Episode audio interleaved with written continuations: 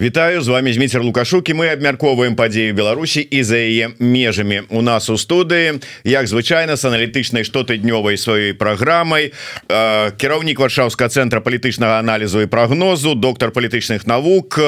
Ну і калі вот ўсё ж таки патрабуюць ад мяне каб узгадываў тое что палітык у той же час э, сябра вольнай Беларусі один з заснавальнікаў кіраўнікоў вольнай Беларусі Павел усаў. Добрый день спадар Павел. Добрый день что вы так руки развялі типа ну гавары уже что хочешь вы заўсёды по сэнсу кажется господар Павел давайте пачнем хоть тэмаў і таких надзённых нам добавілася подкинули сёння як у нас любіць апошнім часам у сваім стылі спроба жартаваць так званы прэс-сакратар МЗС Беларусі спадар глаз але давайте пачнем с мінулых падзеяў. І як это написали у сваім телеграм-канале мільянцоў с прыгерманам. Важная і нечаканая заява лукашэнкі про тое что ён сабраўся ісці на выборы 25 -го года. Нечаканая? Ну не ведаю наконт важнасці але вот наколькі нечакана. Ну я не ведаю для кого нечакана. Мы дарэчы же абмярковалі на апошніх на апошняй нашай сустрэчы вы задавалі гэтае пытанне спасылаючыся там на беларускіх іншых аналітыкаў якія казалі что гэта апошні ягоны электаральны перыяд что далей ён напэўна не пойдзе. Я заўсёды яшчэ раз паўтаруся казаў пра тое што такія сістэмы якая выбудаваная у беларусі яны функцыянуюць да моманту фізычнага існавання дыктатара і ад самага пачатку як толькі лукашенко прыйшоў да ўлады памятаць ягоныя афарызмы выказванні я прыйшоў сур'ёз і надоўга насамрэч Беларусь сталася закладніцай з аднаго боку дыктатуры лукашэнкускай а з іншага боку для лукашенко улада і жыццё гэта у адное і пакуль ён жыве і заўсёды под гэта про гэта падкрэсліваю ён будзе утрымліваць уладу ў сваіх руках і сыходзіць некуды не не будзе. Нават уводзячы нейкія такія маніпулятыўныя інстытуты як старшыня прэзідыума усебеларускага сходу і гэта было асноўнае асноўнай прычынай чаму некаторыя беларускія аналітыкі меркавалі што лукашенко сыдзе з пасады прэзідэнта перайдзе на сінекуру накшталт таго што адбылося ў Казахстане з назарбаевым на пасаду старшыні і такім чынам адбудзецца нейкі транзіт для лукашенко любы заўгодна які заводна транзіт пры якім ён не мае магчымасці кіраваць краіны гэта самагубства. І тыя хто на сур'ёзна займаліся вывучэннем ну не толькі кейса беларусі палітычным сэнсе у паліталагічным сэнсе а іншыя кейсы звязаныя з дыктатарскімі рэжымамі ёсць толькі дзве прычыны па якіх адбываюцца змены. Першая гэта рэвалюцыя другая гэта смерть дыктатара.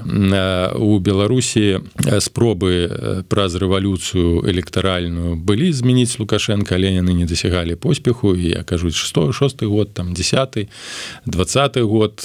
Конечно 20 год быў годам моцнай турбулентнасці для сістэмы але лукашенко выжыў як дыктатара выжыла дыктатура яна стала яшчэ больш мацнейшай у сэнсе апоры на тэрор і таму на сённяшні момант няма ніякіх прадпасылак казаць прадумову казаць пра тое што лукашенко кудысьці збіраўся сыходзіць яшчэ ў двадцатым годзе. Все гэта была гульня і маніпуляцыя і частка беларусаў купілася на гэтую гульню і маніпуляцыю. Другі аспект гэта смерть дыктатара гэта найбольш найбольш найбольш часта фактор змены транзіту пэўнага не не абавязкова смець дыктатара прыводзіць да дэмакратызацыі беларусі да трансфармацыі прыводзяць да транзіту унутры аўтарытарнага не транзіту ўлады ад дыктатуры дыктатарскага рэжыму да рэжыму дэмакратычнага збольшага. Ў такія сістэмы зачыненага тыпу кшталту якім ужо якой ужо стала Беларусь на жаль.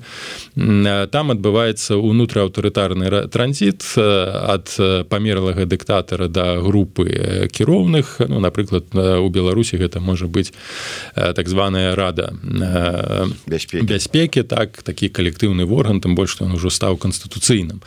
Іншыя прыклады асабліва на постсавецкай прасторы ну Мачыма акрамя толькі Казахстану. Усе іншыя моцна аўтарытарныя сістэмы туркменістан Узбекістан. В Узбекістане там не адбылася не адбылося кла кланавай пераемнасці бо не карымаў не меў сына не меў сына і таму фактычна ў ісламскай моцнай ісламскай традыцыйнай сістэме адбылася на пачатку пераход да калектыўнай улады. Ну і на сённяшні дзень бачым сфарміравалася зусім іншая аўтарытарная сістэма зусім іншым чалавекам на чале. У азербайджане трошки не пашчасціла аліеву сфарміравалася сфарміраваўся унутрыкланавы транзіт ад аліева бацькі да ільхама аліева які на апошніх выбарах прэзідэнцкіх калі я не памыляюся набраў хіба 97соткаў на галасоў то бок лукашенко ёсць яшчэ куды імкнуцца.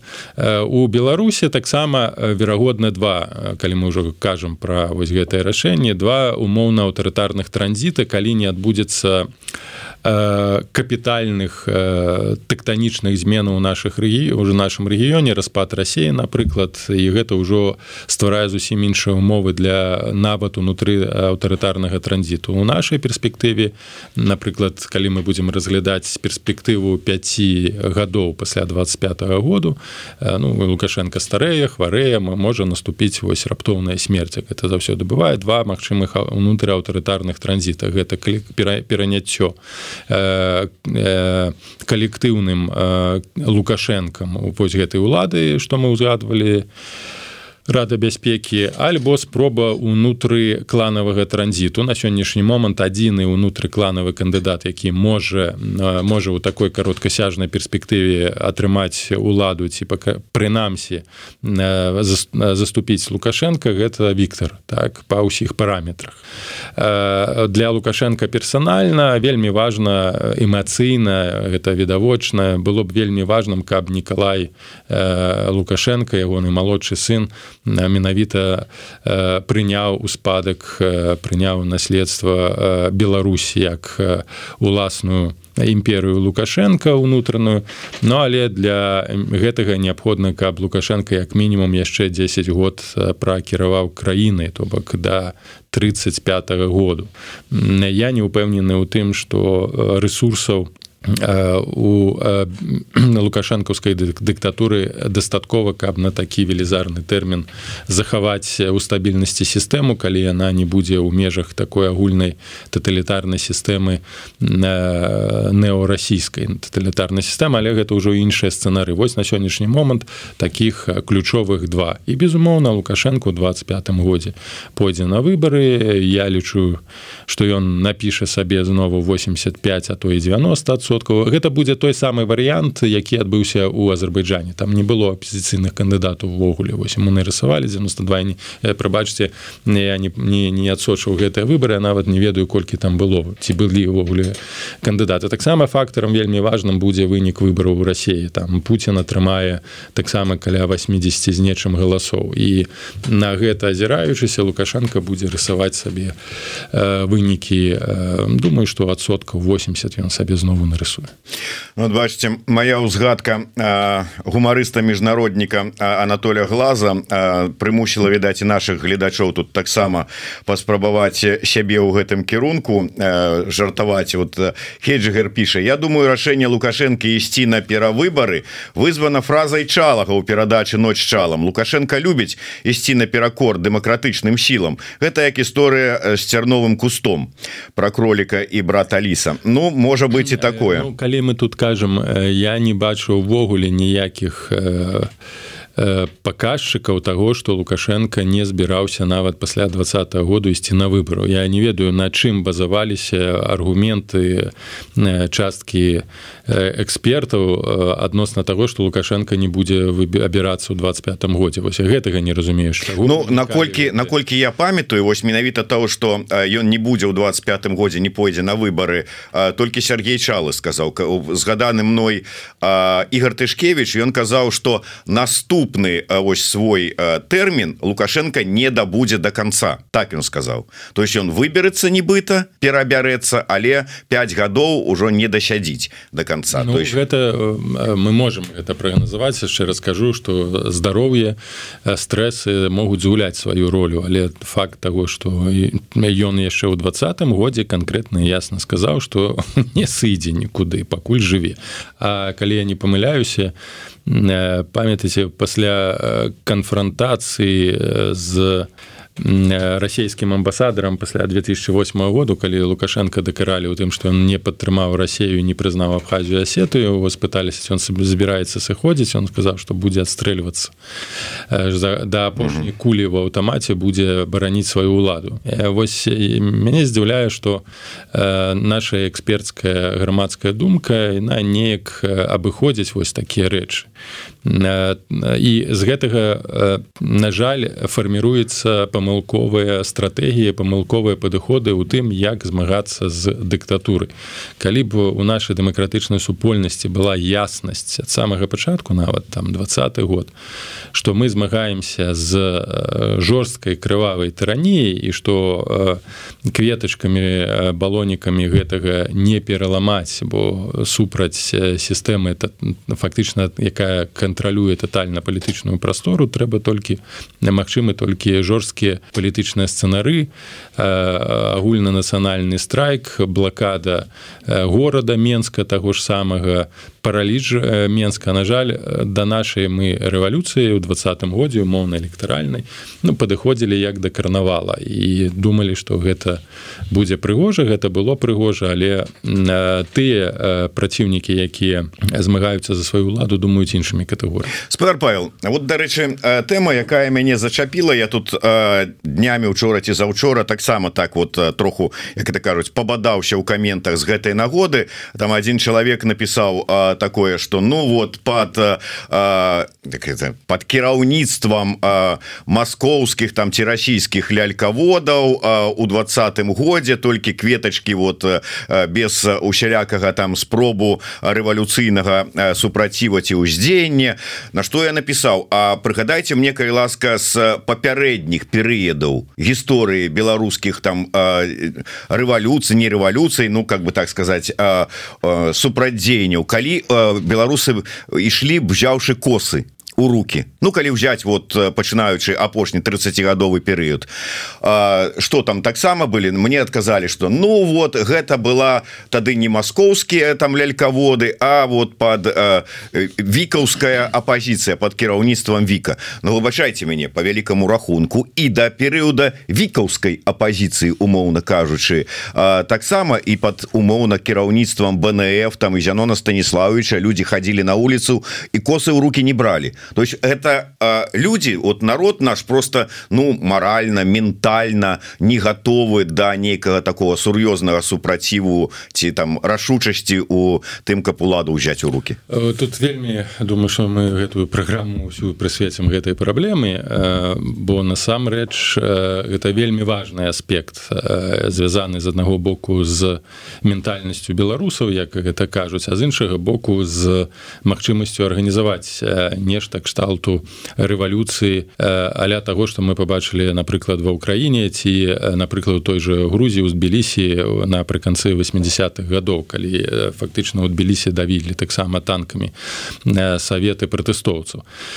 Што тычыцца ментальнасці. Я ніколі не прыймаў той тэзіс што беларусы памяркоўныя што ў беларусаў няма рэвалюцыйнай энергіі пасіянарнасці калі б гэта было б так то па-першае лукашенко ніколі б не прыйшоў да ўлады. У беларусі б ніколі не было такога жорсткага аўтарытарнага рэжыму які будуецца і базуецца на тых же беларусах на той же жорсткасці амапаўцы эсэсошнікі карпенковы і усе тыя людзі якія тапілі ў крыві у двадцатым годзе беларускую рэвалюцыю гэта ўсё умоўна беларусы. То бок людзі якія нарадзіліся ў беларусі якія выхаваліся ў беларусі якія выхоўваліся ў беларускіх сем'яў якія прыдбалі пэўныя мадэлі захавання уплывы таксама з боку расійскай савецкай культуры і гэтак далей гэтая агрэсія так званая палітычная агрэсія яна і не палітычная агрэсія. У беларусаў дастаткова вялікая як у кожным грамадстве. Беларусы не з'яўляюцца анёламі як насельніцтва як як як супольнасць палітычная. Яна таксама радыкальная яна таксама жорстка. Ў беларусі столькі ж злачынцаў столькі гвалтаў у дачыненні да дзяцей у дачыненні да жанчын. І нават у тыя наши шаноўныя спадарыні якія займаюцца праблемам праблемамі гвалту у сем'ях. Тая ж ольга гарбунова это яна падкрэслівае яшчэ що гэта велізарная праблема. Адкуль гэтая агрэсія бярэцца? І калі мы памяркоўныя калі мы талерантна у нас былі б ідэальныя сем'і. У нас атрымоўваецца па статыстыках фактычна на 100 шлюбаў 50 разводаў. Так на 100 шлюб 50 нават больш. Нема у нас нас так безумоўна гэта магчыма палітыка разбурэння тых традыцыйных умоўных каштоўнасцяў духовных якія адбываліся і ў савецкія ў постсавецкія часы. Але казаць пра тое што мы больш памяркоўныя што мы больш талерантныя што мы больш пасіўныя у сацыяльным палітычным плане чым тыя ж палякі ці украінцы гэта памылка. Гэта той міф які ўвесь час намагаліся ўбудаваць у головы якраз таки скажем тая савецкая міфалогія і постсавецкая міфалогія. Вось стварыць стварыць з беларусаў абсалютна пасіўных памяркоўных каб яны толькі слухаліся улады бо гэтая ж агрэсія. Яна ж не яна калі не накіраваная супраць уладак безумоўна улада мае кол улада мае інстытуты рэпрэсіі она забівае збівае гэтую хвалю агрэсіі падаўляе яе і гэтая агрэсія накіроўваецца зусім іншы бок. У нас фактычна калісьці пісаў артыкул такі невялічкі публіцыстычны ў беларусі адбываецца і ўлада заінтарэсаваны ў тым каб у беларусі адбывалася вайна ўсіх супраць усіх. То бок грамадства воевала самі сама з сабою ненавідзела одна одна частка грамадства ненавідзела іншую. І на гэтым расколе дэвіда ут імперыум лукашенко і пануе але пануе на выкарыстоўваючы тыя ж самыя механізмы агрэсію што талерантны? Ён што памяркоўны? Калі б ён быў талерантны памяркоўны прынамсі як ён дэкларуе што ён беларус беларус так і то ўжо б палітычныя вязні прынамсі жанчыны дзяўчыны былі б выпушчаны. Спадар павел я разумею я разумею але вось гэта адсутнасць талерантнасці і памяркоўнасці і тое что з дапамогай гвалту і сілы что здавалася б ну адкуль у беларусаў тады у это узялося утрымліваюць ладу зразумела. Але чаму за ўсе гад 30 гадоў ні разу не выйшлі на акцыі пратэста узяўшы ў руки идем идем далей. Тут ну яшчэ один такі экскурс параўнаўчы кажуць про тое что вось падчас другой сусветнай войны рэпрэсіі гэтак далей выбілі пасіянары ў палітычную і духовную эліту. Так з адно з аднаго боку гэта правда але возьмем іншы народ габрэі якія у падчас другой сусветнай войны пацярпелі я так лічу нават больш чым беларусы. У сэнсе глобальным іх было знішчана каля 7 мільёнаў. Тым не менш яны адбудавалі сваю краіну яны зараз за гэтую краіну змагаюцца. Гэта датычна таго что вось нас увесь час вынішчалі таму мы такія такія слабыя такія ну немачныя не можемм гэтага зрабіць. Я не веру у гэта бо калі б мы былі б такія немачнымі як нам намагаюцца навязаць гэтую парадыгму Беларусь бы не была б незалежнай яна б не стварылася як краіна не стала все б незалежнай у 91 годзе бо выключна будуючыся на пасіянарыях беларускіх можна было б збудав можна было збудаваць гэтую незалежнасць гэтую дзяржаўнасці гэта было зроблена. Пытанне ў тым что э, беларусы выкарысталі ўсе тыя дэмакратычныя механізмы якімі яны не маглі карыстацца менавіта таму что была дамінуючая аўтарытарна патрыархальная культура выбралі тое дэмакратычным шляхам што ім было больш блізка по ментальнаму успрыняццю тое што вось абяцаў ему лукашенко. Далей калі вы задаеце пытанне адносна такога радыкальнай рэвалюцыі былі прыклады радыкалізму яны былі былі даволі часто ў беларусі і былі страйкі якія і страйкоўцы у гарадах беларусі перакрывалі перакрывалі э, чыгуначныя дарогі блакавалі трасы э, у канцы 80 э, на, на пачатку 90-х гадоў былі страйкі на прадпрыемствах былі страйкі страйкі нават у метрапалітэне у 96 годзе калі не памыляюся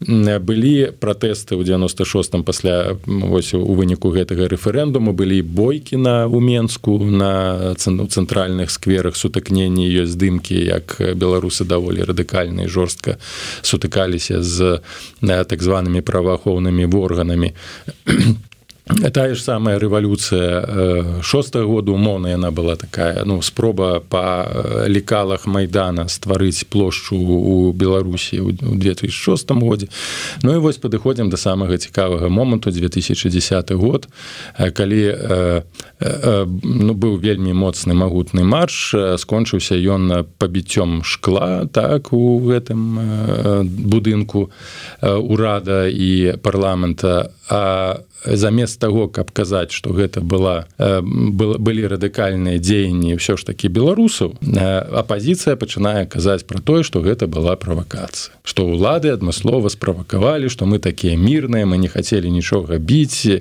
мы вось хацелі толькі патрабаваць. Гэта канешне самадыскрэдытацыя. Это паказаць что мы не не, не, не здольныя нават пабіць шкло у будынках у будынках у якіх знаходзяцца узурпатары якія фальсіфікуюць выборы я лічу что э, калі э, я лічу і э, ад самага пачатку лічыў что гэта не пабіўшы шкла не разбіўшы яек яечніцу не зробіш не пабіўшы шкла у адміністрацыйных будынках ты ўладу не захопіш ніхто табе ўладу не прынясе асабліва вось гэтая дыктатура на подносе. І не і скажа бярыце калі ласка вось мы сыходзім ніколі такога нідзе ніколі не было і нідзе ніколі не будзе спадар павел можна я вас можна я вас пера пера пераб'ю просто вот акурат такая актуальная нагода і падзея і спрэчка пачалася вот з таго что раз ну как бы так ахвяры дзеянняў нейкіх радыкальных. Зрабілі белпол гэтую акцыю с экранамі на якіх показалі там заклік тихохановскай нацыянальную сімволіку. По выніку затрымалі чатырох чалавек з фірмы якая з гэтымі экранамі працуе абслугоўвае іх. І пачаліся размовы. Непрадуманыя дзеянні у выніку якіх вось людзі пацярпелі А ці варта было таго а трэба было пролічваць наступствы і гэтак далей. Ну вот вам калі ласка возьми любое дзеянне будуць ахвяры і зноўку скажуць не пролічылі а вартае таго было А які вынікі гэтак далей. Тут маеце абсалютную рацыю. Мы падыходзім да пытання чаму? Так чаму гэтыя ці іншыя дзеянні былі неэфектыўныя? І часам нам прыгадваюць і прапануюць параўнаць сітуацыю беларусі у гэтай час сітуацыю ва ўкраіне ці з той же армении ці з той же у Грузіі забываючыся знову знову забываючыся пра вельмі важную рэч. Калі мы ацэньваем сістэмы калі мы іх параўноўваем у беларусі сфарміраваўся жорсткі аўтарытарны рэжым вельмі жорсткі які фактычна з аднаго боку рэалізуе рэпрэсія з іншага боку можа кантраляваць апозіцыю апозіцыю і кантралюе апозіцыю і маніпулюе апозіцыяй урэшце рэшт даходзіць до того что апозіцыя не мае яснага стратэгічнага плану дзеяння что мы робім на пла... бо плану дзеяння 2006 году ці будзе гэтая плошча ці будзе гэтае намётавае мястэчка не было. Яго пісалі ў апошні у апошнюю ноч на калені і вось гэта ўсё спантанічна радзілося. Ніхто да гэтага не рыхтаваўся ніхто гэтага не пралічваў таму канешне спантанныя дзеянні яны не будуць ніколі мець эфекту. На десятый год таксама ніякай стратэгіі не было. Было 10 кандыдатаў кожны шоу туды куды сам хацеў і нават не было ніякай унутранай камунікацыі. У выніку людзі прыйшлі іх разагналі паламалі там руки ногі кагосьці пасадзілі. Добра што не на там не не, не пажыццёва. І безумоўна і заўсёды трэба разумець што любая рэвалюцыя можа стаць правакацыяй любая правакацыя можа стаць рэвалюцыяй. Умоўна правакацыя папа гапона так дзе як кажуць хаця тыя хто прачытае ягоную біяграфію вось гэтая на міфалогія савецкая стварыла з папа гапона дэмана на самом насамрэч ён шчыра верыў у тое што робіць але ягоныя дзеянні крывавыя крывавая нядзеля дарэчы ён быў забіты сэрамі якія кантраляваліся охранкай кіраўнік баявых групаў груповак эсэраў прабачце за вылетела з галавы. Добра прыгадаю потым. Кіраўнік гэтай баявой азов так групоўкі ён быў інфарматарам ён быў агентам охранкі царскай. Вось вам такі ж самы прыклад які адбываецца ў беларусі. Але тым не менш вось гэта як з бальшавікі казалі правакацыя гапона расстрэл у петербурзе гэтых мірных дэманстрантаў ён прывёў да стаў пачаткам вялікай вось гэтай першай рэвалюцыі расійскай 905 907 году што потым распачало цэлую спіраль і фактычна прывяло да падзення рэжыму рэжыму царскага рэжыму самаўладдзя той же курлаўскі расстрэлу в у менску. Той той же прыклад калі беларусы там загінула 100 чалавек калі не памыляюся вось вам прыклад того что беларусы могли воевать і воевалі ў сэнсе за сваю свабоду за нейкія свае правы нават у тыя часы. Зараз рэжым сістэма конечно ж яна моцная она кантралюе ёсць пэўныя механізмы контроля механізмы кіравання натоўпам. Яны гэта вельмі эфектыўна выкарысталі у тым же двадцатым годзе. І калі няма яснасці разумення что ж мы робім якая стратегія на напрыклад того ж маршу. Ці мы блакуем вуліцы ствараем майдан блакуем цэнтр менску блакуем адміністрацыйныя будынкі. Прызыва калі быў двадцаты год калі была такая моцная інфармацыйная супраца камунікацыя можна было б заблакаваць усе дарогі заблакаваць увесь менск. Зрабіць так что менск бы стаў. Не выходили б людзі на працу не ў метрапалітэне не аўтапарк не тралейбусы. Вось вось что азначае стратегія салідарнасць сеть асабліва ў той момант калі там некалькі мільёнаў глядзелі нехта і на на словы нехта збіраліся там ішлі туды а толькі уся стратегія э, звялася да то до того что мы збіраемся тут ідзем кудысьці туды.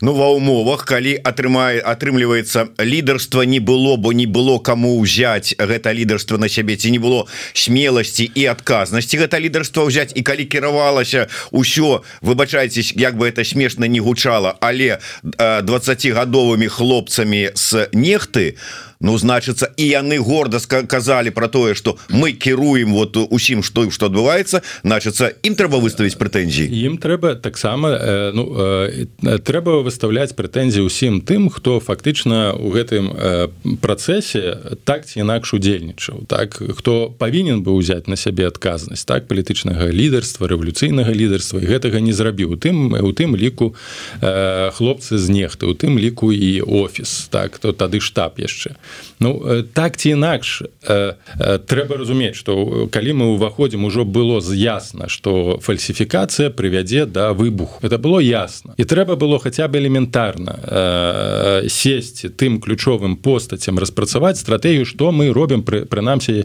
неяк тэарэтычна што мы робім калі вось пачынаюцца пратэсты. Ёсць відэо калі там штаб ціхановскай ці ці ці людзі ціхановска абмяркоўвалі магчымасць арганізацыі такіх дзеянняў. Гэта ўсё записывалася на камеру. То бок службы ўжо праслушвалі праслухоўвалі офісы. Ніхто не спраўджваў ніхто не правяраў усё усе думалі што гэта не не вайна што гэта цікавыя гульні нам за гэтыя гульні нічога не будзе. Ніхто нават не праверыў на на на, на жучкі гэты офіс офіс дзе абмяркоўваліся рэчы вельмі важныя. А у выніку вось гэтай праслухоўкі фактычна ўсю каманду каманду ціхановскай тую пачатковую каманду ўсё арыштавалі. І гэта людзі якія збіраюцца рабіць рэвалюцыю разумеючы што нават праз гэты телефон можна просто праслухоўваць наши размовы. Ну альбо мы воюем насамрэч і сапраўдна ідзем на нейкія рэальныя крокі намагаемся змяніць уладу то тады выкарыстоўваем усе сродкі бяспекі Ну альбо кончыцца скончыцца тым чым скончылася то бок не не было стратэгіі прадуманай стратэгіі і гэтую стратэгію нават не паспрабавалі распрацаваць у момант ужо калі крызіс пачаўся. Нават не было ясных жорсткіх прызываў не ідзем на працу ў панядзелак. Все менск стаіць. Я думаю что менск бы стаў. Нават ужо у перыяд занепаду пратэснай хвалі калі баравую там адключылі ад газу атаплення так нова баравую якая была моцная салідарнасць як людзі туды звозілі і ваду пітную як запрашалі да сябе там памыцца была гэтая салідарнасць. Нават ужо гэта быў лістапад месяц. І можна было б нават у момант вось гэтай крытычнай калі улада была разгублена калі менска два тыдні калі э, вось выпусцілі пасля э, э, пасля затрымання ў масавых акрэсціна быў два, два тыдні калі ўлада умоўна вось яна валялася на, на плошчы. Можна было ў гэты момант хаця б менска заблакаваць заблакаваць адміністрацыйныя будынкі ўзяць іх у блакаду і магчыма нават увайсці ў гэтыя будынкі. Перашкоды такой не было але ніхто не хацеў узяць на сябе адказнасцю ніхто людзі якія выходзяць на вуліцу самі адказнасці не возьмуць бо павінен быць умоўна легітымны лідар якога ведаюць якому давяраюць які скажа робя то робім тое тое тое бо калі выходзіць такі чалавек з натоўпу якога не ведаюць яму заразу кажа это правакатары здадуць яго у міліцыю Ну так ну спадар павел що ж таки конечно праца над памылкамі яна вельмі важная. І можа быть робім памылки тому что над папярэднімі рознымі по такими непаспяховымі акцыямі мерапрыемствамі усім астатнім такой працы не зрабілі але пойдзем троху далей. Вирус X гэта той самый вирус ці новый вирус у нас з'явіўся у каментарах. У любым выпадку піша уже цифра на прэзідэнцкія выборы озвучена 87 процентов а может быть убой и больше но насамрэч спадар павел про это сказал 87 92 розніцы вялікай няма колькі там сабе напишуць больш важно Ну ось давайте вот просто закрою закрываючы гэтую тэму ну, вот заява зроблена. У чым мы у прынцыпе не сумняваліся але что далей? Вот ёсць бачанне як будуць працесы далей адбывацца? У Беларуси у Беларусі і можа быть як тут нам рэагаваць на гэта?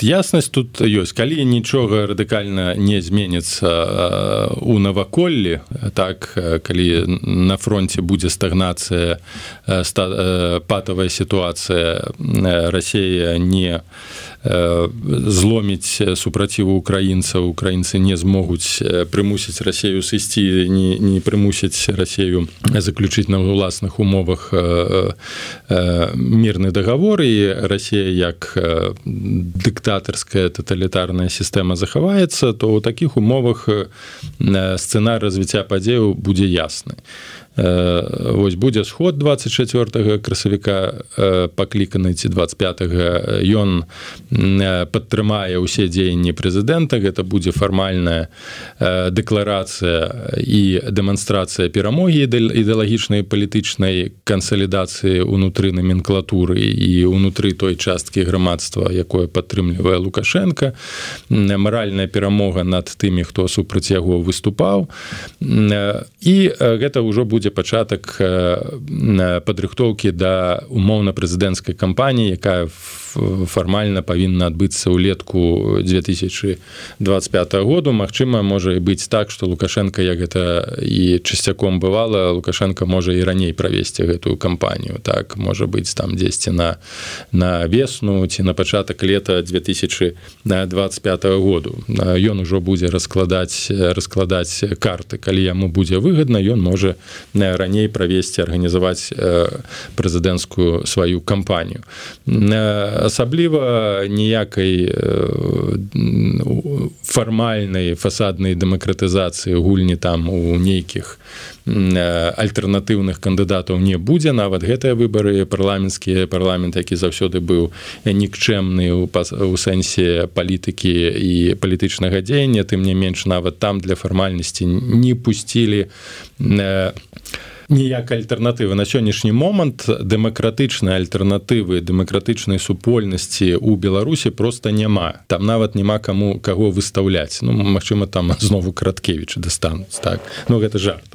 Ніхто я нават яе даставаць не будуць. Там нават гэтых не пусцілі ні чэрычня на гэтыя выбары не не рэшткі гавары праўду все все прасторы для альтэрнатывы там на сённяшні момант у беларусі няма і не будзе на выбары прэзідэнта прэзідэнта. Ніякай дыскусіі ніякай ідэалагічнай ідэалагічнай прапановы іншай не будзе. Гэтыя выбары нават не выбары будуць праходзіць у абсалютна стэрыльнай абсалютна стэрыльнай сітуацыі. Яшчэ раз падкрэслю будзе лукашенко і другі лукашенко. Ну умоўна гайдукевич так які там потым скажа что я цалкам падтрымліваю александра григоровича і сыходжу з дыстанцыю Вось так это будзе выглядаць. Калі Ну як яны заўсёды з, з бацькам і рабілі. Калі калі не будзе нейкіх тэктанічных зрухаў у геапалітычным сэнсе. Калі яны будуць то ўжо цяжка спрагназаваць бо будзе залежаць ад таго якія гэтыя будуць зрухі мець характар. Што тычыцца дэмакратычнай супольнасці то то як показалі нават гэтая кампанія ніякай стратэгіі няма. І наўрад ці яна з'явіцца.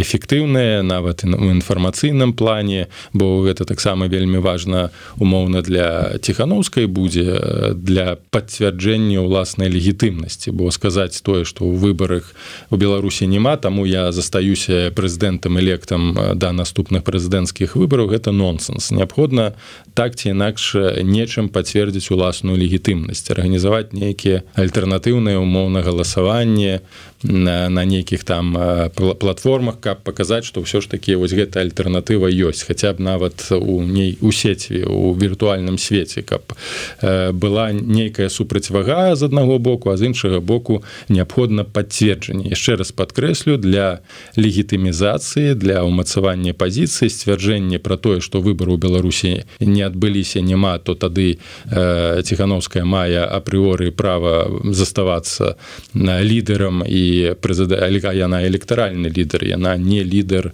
э, руху яна не лідар э, вось пратэсна яна электаральны лідар. Для электаральнага лідару патрэбна аднаўленне легітымізацыі. І э, інакш гэта спарадзіць яшчэ большее там крызісы прэтэнзіі праблемы на якім на якіх падставах і так яна называется прэзідэнтам электам якіх падставах яна будзе называцца умоўна прэзідэнтам электам пасля 25 -го год то бок неабходна арганізаваць альтэрнатыўную выборы хаця б нават дзеля таго каб паказаць стратэгію сілу магчымасць уласнай мабілізацыі. Гэта неабходна. І пра гэта ўжо трэба думаць зараз. Бо я, ну, я думаю я думаю что вот зараз калі атрымаецца ўсё ж таки правесці больш-менш прыстойна выборы ў коорднацыйную раду гэта можа быть стаць такой рэпетыцыяй так, да і вось я хацеў якраз таки до гэтага вярнуцца тое что адбылося вакол вакол э, каардынацыйнай рады э, э, вось недахоп унутранага кансенсусу недахоп абізнову адсутнай стратэгіі бачання бо да гэтых выбарах трэба было рыхтавацца ўжо паўгады да пачатку кампаніі бо яшчэ раз падкрэслю што умоўныя выбары ў каардынацыйную раду павінны былі быць альтэрнатыўнай стратэгіі для выбараў у палатку так і паказаць здольнасць да самаарганізацыі і эфектыўнай дзейнасці дзейнасці апозіцыйных сілаў гэтага не адбылося. Оно нават не адбудзецца по ідэі варта было б гэта зрабіць да у 25 красавіка 24 25 калі будзе гэты сход. Каб знову паказаць сваю альтэрнатыву каб паказаць что мы ўсцяж маем уплыў на беларусаў і у беларусы у некаторай ступені нас ну, лепш у большай ступені чым у меншы нас падтрымліваюць. Але э, энергія падтрымки увага да выбараў бо яна была высокая зацікав зацікаўленасць была высокая ў выбарах каардынацыйную раду. Ўсё гэта сышло ў пясок. І ў траўні я не думаю што гэта будзе камусьці цікава. Ўжо пасля другой перамогі лукашенко ў сэнсе ініцыятывы у сэнсе ідэалагічнай гэты сход усебеларускі. І так я абсалютна згодны калі гэта удастся зрабіць але мне нешта падказвае ведаючы якая сітуацыя ўнутры апозіцыйных сёння структур якія вялікія супярэчнасці? Супярэчнасцяў значна больш чым унутраных унутранай згоды і кампрамісу. На сённяшні момант унутры каардынацыйнай рады паміж структурамі супярэчнасцяў войны зараз ідзе вайна паміж структурамі. Фактычна рэальная вайна паміж структурамі. У такіх умовах казаць пра нейкія поспехі ну смешныя. Лукашенко ва ўмовах санкцый ва ўмовах рэпрэсіі здолеў кансалідаваць сістэму. Яна на яго знову працуе. А мы ва ўмовах крызісу ва умовах калі неабходна гэтая кансалідацыя прынамсі дэманстрацыя кампрамісу унутранага унутранай згоды гэтага зрабіць не можа Таму мне падаецца выбары будуць ураду правальнымі на жаль і што рабіць на у перыяд прэзідэнцкай кампаніі таксама будзе абсалютна неясна бо гэтая канцэпцыя ось мы ведаем што будзем што будзе рабіць лукашенко. Мы ўжо зараз ведаем што ён будзе рабіць і мы нічога не ведаем про тое што будзе рабіць апазіцыя ў сэнсе вось нават той же офіс які з'яўляецца умоўнай інстытуцыянальнай альтер не ведаем не ведаем. Яны самі нават не ведаюць што яны будуць рабіць немагчыма у такіх умовах з такім стаўленнем увогуле казаць пра перспектыву перамогі давайте э, вернемся яшчэ до тэмы вот я узгадаў на самом пачатку э, лукашэнкаўскі МЗС. Э, я чаго я працытую просто одно з заяваў одну фразу з заявы МЗС. Безосновательные публічные требования ЕС об освобождении неких отдельных лиц осужденных в соответствии с национальным законодательством компетентным судом по обвинению в совершении уголовных преступлений на основе основании политических предпочтений европейских правительств и политиков заставляют усомниться в истинной приверженности Европы принципу верховенства права. Гэта а, был а, отказ так бы мовіць на патрабаванні еўразвязу івогуле захаду на вызваленне палітвязняў гэта можна казаць фактычна адказам на усе планы намеры спадзевы распачаць нейкі гандаль перамовы ці яшчэ як хочетце назовіце с рэжымам наконт вызвалення палітвязня ну, дэкларацыі заўсёды гучалі з боку МЗС і пасля 2006 году пасля 2010 году на все патрабаванні фармальныя з боку ЕС выпусціць палітычных зняволеных. Яны указалі у нас няма палітычных зняволеных усе пакараныя згодна у нас толькі злачынцы усе пакараны згодна з самым справядлівым судом у свеце іншага ну і просто немагчыма чакаць ад гэтай сістэмы і нічога дзіўнага ў гэтым няма. Гэта канешне ж не ставіць крыш на магчымасці гандлю. Гэта толькі паказвае што ва ўмовах нейкіх патрабаванняў фармальных без наяўнасці рэальнай сілы ціску гэтае патрабаванне нічога не варта і МЗС і лукашенко і ўсё атачэнне яшчэ раз гэта паказалі прадэманстравалі калі у вас няма механізмаў рэальнага эфектыўнага ўздзеяння на злачынцу на на сістэму вы нічога не, не можете патрабаваць. Гэтае патрабаванне хутчэй просто ведаеце заўсёды для еўрапейскага звязу была фік, фікцыяй у тым сэнсе что ну ну хотя б запатрабаў запатрабуем А што мы яшчэ можемм зрабіць? Гэта распісацца у сваёй у сваёй у сваім бессіллі. Нічога іншага акрамя ультыматумы нейкія там ставіць патрабаванні занепакоенасці. Мы і вы у сваім жыццю пакуль бы былі журналістам у беларусі гэта неаднакротна чулі гэтае патрабаванні словы салідарнасці ўсё гэта пустое асабліва калі ідзе вайна ёсць механізм уздзеяння калі ласка яго выкарыстайце. Таких механізмаў уздзеяння на рэжым на сістэму няма. Нават просто кажу вось як добра прынамсі дэкларуюць што ўсе сродкі заблакаваныя расійскіх алігархаў будуць пушчаныя на аднаўленне Украіны на дапамогу украінскім вайсковым і Украіне. Ну давайте адсачыце вы ўсе гэтыя сродкі беларускіх алігархаў. Напэўна яны ёсць лукашэнкаўскіх алігархаў у еўрапейскіх банках. Адсачыце ў якіх банках? Замарозьце гэтыя сродкі. Ну і калі ласка гэтыя сродкі накіруйце на развіццё дэмакратычнай супольнасці на дапамогу палітычным вязням. Вось гэта рэальны механізм уздзеяння просто зрабіце гэта калі вы можете гэта зрабіць. Что тычыцца гандлю ён магчымы. Ён калі ёсць нейкія палітычныя колы калі ёсць фігуры палітычныя якія у Еўропе перш за ўсё уплывовыя якія могуць камунікаваць і хочуць камунікаваць з прадстаўнікамі рэжыму то гэтыя размовы як абмен палітычнымі зняволенымі які быў у савецкія часы які ёсць зараз абмен военнапалоннымі паміж Украінай і агрэсарам рассіі гэта можна ўсё рэалізаваць. Але патрэбна група еўрапейскіх палітыкаў якія будуць гэтым займацца. Наколькі я ведаю такой групы няма. І наўрад ці яна знову сваім песімізмам наўрад ці яна такая група паўстань яшчэ один момант. Можна конечно с там троху посмяяться с гэтага крыкуна але тым не менш ці не падаецца вам что это промацаванне таксама грамадства грамадской думки грамадской реакции учора у эфиры у азаронка гэты наноў прызначаны дикпік депутат гайдукевич пачаў крычаць что А вот у мяне дед у нквд служыў і я гэтым ганаруся. Он вас тут нацыяналістаў змагароў расстрэліваў і мало расстрэліваў. Была б моя воля я б тут ну і далей по тэксце. Ці можна казаць что вот на гэтым кірунку яно паступова і пачне там дзейнічаць у это рэжымныя это ўсе так званыя сілавікі? Ну яно так і дзейнічае. Так яно ж так і дзейнічае. Ну возьмите Андрея зельцера якога э, забілі амаль год таму так уварваўшыся ў кватэру возьмите смерці палітычных зняволеных у беларусі. Іх же забіваюць. Это мэта накіраванае забойства праз стварэнне адпаведных умовах пры якіх людзі просто паміраюць. Тое ж самае як і з тым же навальным.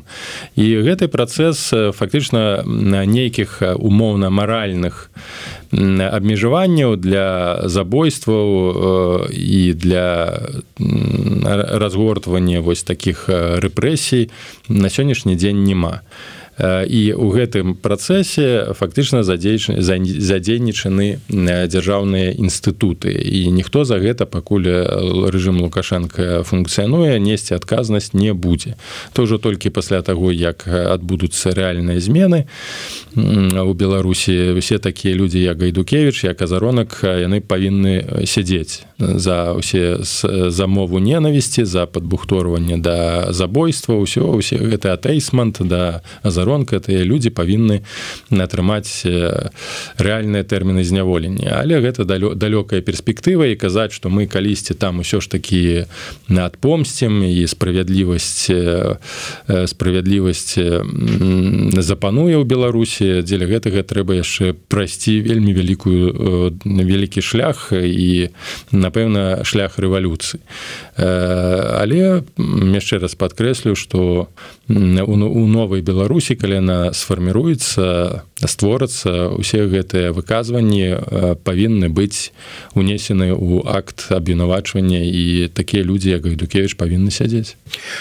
Ну і можа быть тут тэма ізноўку пра чарговыя вайсковыя вучэнні якія вялікія плануюцца беларуска-расійскія. Ізноўку розныя планы становятся вядомыя Росіі там про как это кажа вызваленне калининградской области і гэтак далей гэтак далей з улікам усяго что адбываецца зараз у России з тым же самым перавыбарамі Путина тут у нас у Беларусі. Наколькі на ваш погляд павялічваецца не павялічваецца верагоднасць уцягвання Беларусі у гарачую фазу конфликта будь то на тэрыторыі Украины с этой акупацыйнай вайне будь то у супрацьстаянні з нейкай краінай НАТО? Гэтая верагоднасць будзе заставацца фактычна заўсёды заўсёды пакуль ідзе вайна і пакуль існуе рэжым Пуціна і рэжым лукашенко і трэба гэтыя верагоднасці таксама сур'ёзна разважаць нягледзячы на тое што рацыянальна мы можемм ацэньваць што ресурсаў недастаткова і нават на рэалізацыю прорыва там у сувалкскім коридоры спалучэнне з калининградам гэта умоўна самагубства для Пуціна і лукашенко тым тым не менш усе гэтыя верагоднасці трэба разлічваць і нават да гэтых умоўна віртуальных умоў умоўна нереальных верагоднасцяў трэба рыхтавацца. Так ну прынамсі на такім узроўні на якім была падрыхтавана Украіна да агрэсіі то яна шмат хто не верыў што яна будзе ў такім на фармаце у якім яна адбылася. Тым не менш узброеныя сілы вынеслі на сабе вось гэты першы год крытычнай вайны і пераламілі ўсё ж такі сітуацыю і зрабілі ўсё каб Кію выстаяў і не адбыла не адбылося расійскага бліцкрыгу.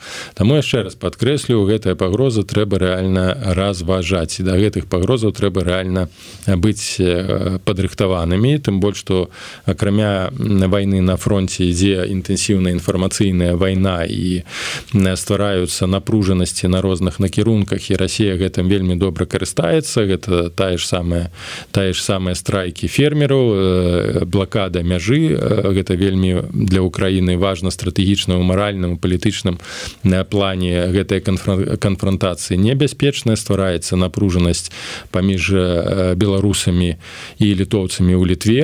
Гэта сур'ёзная праблема і, і вырашыць гэтую праблему на сённяшні момант ну ніхто не можа. Дарэчы выбачайце што перабіваю. Вот добра што прыгадалі. Акурат сёння раніцай я бачыў гэтую а, так допіс тэгнула вас у сваім паведамленні павук Вольга здаўшы скрын паведамленне якое прыходзіць нібыта ад літвінаў літоўцам палітыкам літоўскім гэтак далей з рознай трасцай там про тое что вернем вільню і все да, гэта. это... я не ведаю чаму я натэгнула вас але а, вось ваше меркаванне что за гэтым стаіце як з гэтым змагацца? Э, э, тут гэта безумоўна працяг вось гэтай інфармацыйнай войны інфармацыйнага супрацьстаяння бо ўжо напружанасць як бы яна ёсць яна створана. Трэба неабходна пацвердзіць для літоўскага боку перш за ўсё што што беларусы ствараюць рэальную пагрозу для літоўцаў. І дзеля таго каб гэтую рэальную пагрозу і доказ гэтаму быў яго стварыць ствараюцца профілі Ну самы просты прыклад інфармацыйнай вайны гэта распаўсюджванне інфармацыі вельмі агрэсіўнай праз сацыяльныя сеткі.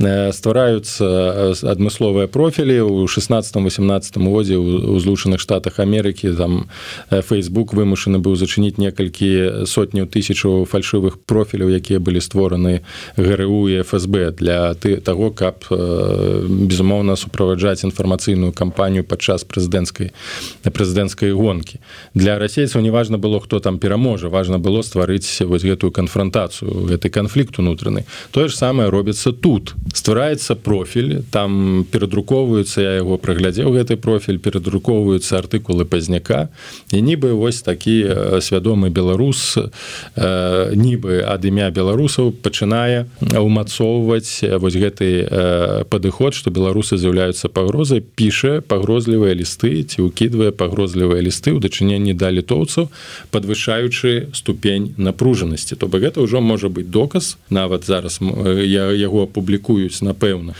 у літоўскіх сМ абсалютна упэўнены напрыклад тэлебачанне літвы тры дзе найбольш сістэм сістэматычна з'яўляецца антыбеларуская рыторыка на апошніх на прош апошняй праграме эксперт казаў пра тое што нацыі беларусаў не існуе літоўскі гэта павышае ўзровень агрэсіі. Безумоўна такія рэакцыі пагрозы з боку у косках беларусаў будуць патрабаваць адпаведнай рэакцыі яшчэ больш жорсткай яшчэ больш рэпрэсіў негатыўнай рэакцыі літоўскіх уладаў на такія нібы пагрозы з боку беларусаў мы ж вам казалі радыкалы літоўскія скажу что беларусы з'яўляюцца пагрозы Вось вам доказ давайте іх будем яшчэ больш абмяжоўваць выкідаць з краіны і таким чынам спіраль ужо будзе дасягаць э, новага ўзроўню новага супрацьстаяння ў гэтых умовах беларусы я яшчэ раз звяртаюся да офіса ціхановскай що яны павінны арганізаваць канферэнцыю публічную з удзелам літоўскіх палітыкаў з удзелам прадстаўнікоў усіх беларускіх дэмакратычных супольнасцяў і вырашыць гэтую праблему пакуль не позна бо она ўжо заходзіць на вельмі небяспечны ўзровень не сидзець там тихо і э, абстракцыямі не займацца з гэтымі віртуальнымі яськамі а вырашаць вось гэтую канкрэтную праблему якая з'яўляецца вынікам рэальнай інфармацыйнай войны інфармацыйнай атакі як супраць беларусаў так і супраць літоўцаў і створыць сур'ёзную праблему Вось давайте ну, тут няма ніякіх супярэчнасцяў давайте вось э, завтра да, созванимся зробім гэту агульную канцэпцыю канферэнцыю у вас ёсць доступ там уост да літоўскіх палітыкаў да ландсбергіса там да э, іншых давайте бярыце іх экспертаў рабіце ў сейме агульную канферэнцыю вырашаем гэтую праблему ці ёсць у вас воля палітычная зараз задаю гэтае пытанне офісу ціхановскай ёсць у вас воля палітычная бараніць інтарэсы беларусаў і супольны інтарэс антырасійскі літоўска-беларускі вось давайте гэтую працу зробім супольна это была афіцыйная э, прапазіцыя прапанова ад вольнай беларусі беларусі ад вольнай беларусі ад моя асабіста Ну что ж я спадзяюся нас глядзяць да рацы офіса скажем Александр добровольскі калі там не франак вячорка. Ну і таксама думаю что варта до да гэтага далучыцца. Стало вядома что пахаванне Алексея навальнага адбудзецца першага сакавіка. Безумоўна добра что яго тело аддалі сваякам і ёсць магчымасць іх пахаваць. Але я хотел бы звярнуць увагу э, і яшчэ на адной э, сумнай такой навіне. 24 лютага у варшаве э, памёр наш калега рэдактор эканамічнай газеты беларусы і рынок Андрей александрович ад вострай сардэчнай недастатковасці ён памёр у лекарні ў шпіталі. І акурат першага сакавіка ў варшаве пройдзе грамадзянская паніхіда по Андрея александровича я заклікаю заклікаю ўсіх калегаў і не толькі калегаў але усіх ахвочых беларусаў далучыцца до да гэтай паніхіды. Яна пройдзе пры касцёле святой катары катажыны. Гэта улица фоса 19 а. А 16 гадзіне пачатак так что калі ёсць магчымасць жаданне далучайцеся прыгадаем і аддадзім даніну памяці і павагі нашаму калегу журналісту рэдактару Андрею александровичу я выказываю спачуванне спачуванні сваякам родным блізкім сябрам Ну і всяму грамадзянского супольніцтву і журналісцкай супольнасці. Дякую вялікі спадар Павел. Яшчэ раз для тых кому это бяспечна подписывайтеся на телеграм-канал Павла усова YouTube канал не раю бо нешта ён яго закінуў. Але у любом выпадку у телеграм-канале можна пачытаць усе думкі якія Павел паміж нашими эфірамі там выкладае паспрачацца каментары не адключаў так что можна выказаць сваё меркаванне там таксама давесці э, Павлу. Ну і нагадываю про неабходнасць подпісацца на YouTube канал еврорады расшэрвайте ставце свае падавайки націскайте на званочак пішите каментары буду рады вас усіх бачыць чуць і чытаць але памятайте про бяспеку. Жыве Беларусь